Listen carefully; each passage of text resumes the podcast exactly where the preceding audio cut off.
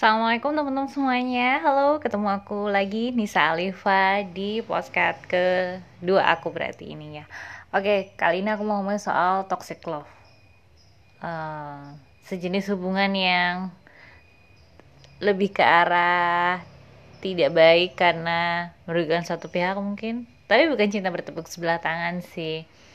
Oke, jadi aku mau cerita tentang pengalamanku sendiri ya uh, waktu itu aku belum nikah. Dan ini aku pernah berhubungan dengan seseorang.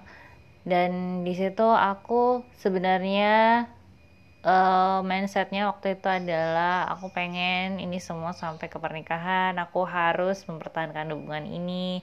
Aku nggak boleh gonta pasangan. Maksudnya pikiran aku tuh waktu itu kayak gitu. Kenapa aku bilang hubunganku nggak terlalu bagus sama dia? Karena di situ aku nggak berkembang dengan maksudnya kayak mengembangkan cita-citaku gitu. Waktu itu posisi dia ada di Solo dan aku di Tangerang. Aku memang pernah janji sama dia untuk sebulan sekali nengok dia ke Solo. Dan apa namanya justru aku tuh baru nyadarin kayak sekarang oh itu tuh salah tuh karena kenapa aku lebih memprioritaskan aku ketemu dari sebulan sekali daripada ketemu orang tua aku aduh sedih banget aku mau nangis rasanya.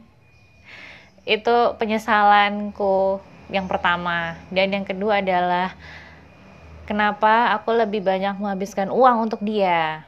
Aku membelikan dia handphone aku ya intinya aku nyenengin dia lah karena waktu itu posisi dia masih kuliah dan aku sudah bekerja.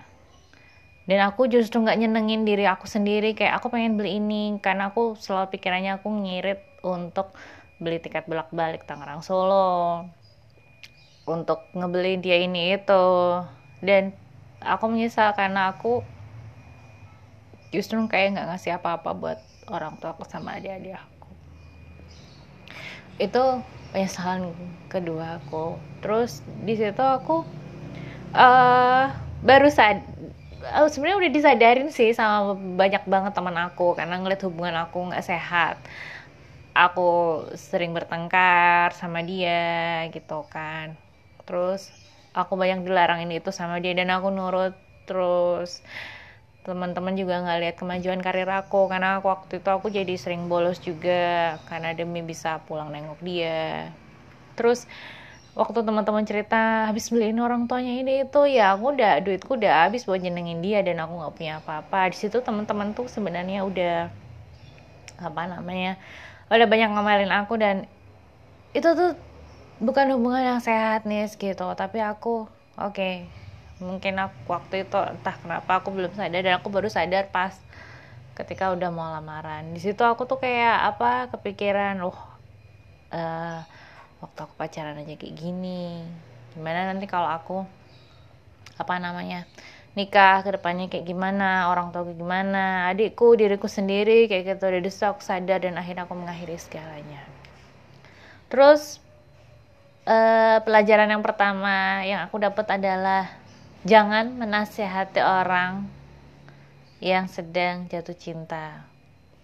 Dan yang kedua jangan lelah menasehati orang yang sedang jatuh cinta. Loh kok bisa kayak gitu? Ya mungkin teman-temanku udah capek ya nasihatin aku tapi aku sangat bersyukur bahwa meskipun mereka tuh capek nasihatinku berkali-kali nemenin aku nangis berkali-kali support aku berkali-kali ngasih aku hadiah ini itu karena tahu aku nggak punya apa-apa. Tapi mereka nggak nggak pernah berhenti kayak ngomong udah nih selesaikan udah nih selesaikan kayak gitu. Dan itu uh, alhamdulillahnya tuh walaupun pernah aku abaikan tuh tapi kayak uh, nasihat-nasihat mereka tuh sebenarnya tuh masuk gitu kan. Cuman tuh ibarat batu tuh kayak batunya tuh belum bisa pecah tapi tuh kayak ya udah mulai terkikis sedikit sedikit demi sedikit gitu. Jadi uh, apa namanya aku pengen nasihatin ke kalian yang yang mungkin kalian punya bukan nasihatin sih lebih tepatnya sharing mungkin yang berbagi. Kalau kalian punya teman yang terjebak dalam hubungan toxic love yang gak sehat dan jadi nasihatnya berkali-kali susah. Jangan tinggalin dia tetap temenin dia tetap nasihatin dia. Dan insya Allah sebenarnya uh, nanti kalau emang sama Allah nggak ditakdirkan sama itu orang sama itu makhluk mereka pasti gak akan berjodoh tapi kalau emang udah berjodoh dan sampai nikah ya mau gimana lagi? Karena aku pun pernah di posisi sebagai sahabat yang menurutku temanku terjebak sama toxic love dan mereka sekarang udah nikah dan sampai punya anak dan ada yang